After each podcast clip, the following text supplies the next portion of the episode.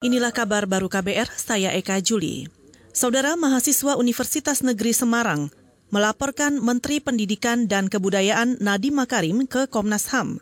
Mahasiswa Universitas Negeri Semarang, Franz Colin, menilai Nadiem tidak tanggap terhadap kondisi perekonomian saat pandemi. Hal itu, kata dia, terlihat dari kampus yang tetap meminta pembayaran kuliah penuh, kendati pembelajaran dilakukan secara virtual. Selain itu, Menteri Pendidikan dan Kebudayaan juga diduga melakukan tindakan pembiaran terhadap perilaku represif yang acap kali dilakukan oleh pihak kampus kepada mahasiswa. Mahasiswa UNES, Franz Colin juga menambahkan, aduan ke Komnas HAM adalah tindak lanjut dari gerakan mahasiswa yang sebelumnya telah mengajukan permohonan hak uji materi Permendikbud tentang pembiayaan kuliah di masa pandemi ke Mahkamah Agung pada 22 Juli lalu.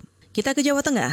Praktisi Kesehatan Rumah Sakit Universitas Negeri 11 Maret atau UNS Solo mendesak Pemkot menghukum pelanggar protokol kesehatan. Laporan selengkapnya disampaikan kontributor KBR Yuda Satriawan dari Solo, Jawa Tengah. Praktisi kedokteran mendesak pemerintah daerah tegas dalam memperlakukan protokol kesehatan.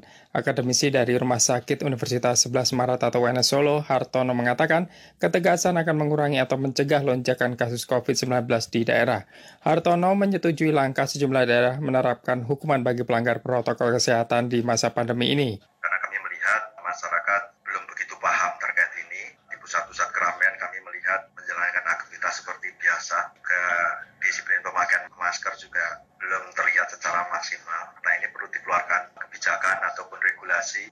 Daerah-daerah lain pakai sweeping masker dan sebagainya, pengaturan physical distancing dan sebagainya. Kasus COVID-19 di daerah menunjukkan lonjakan jumlahnya.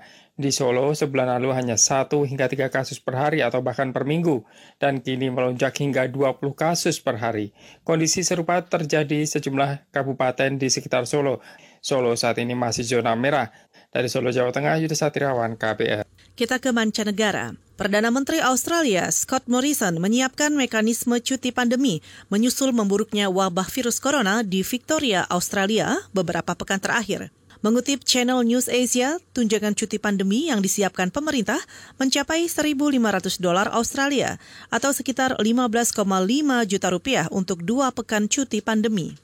Mekanisme cuti pandemi tersebut baru akan berlaku di negara bagian Victoria karena penyebaran virus corona di sana tengah meningkat.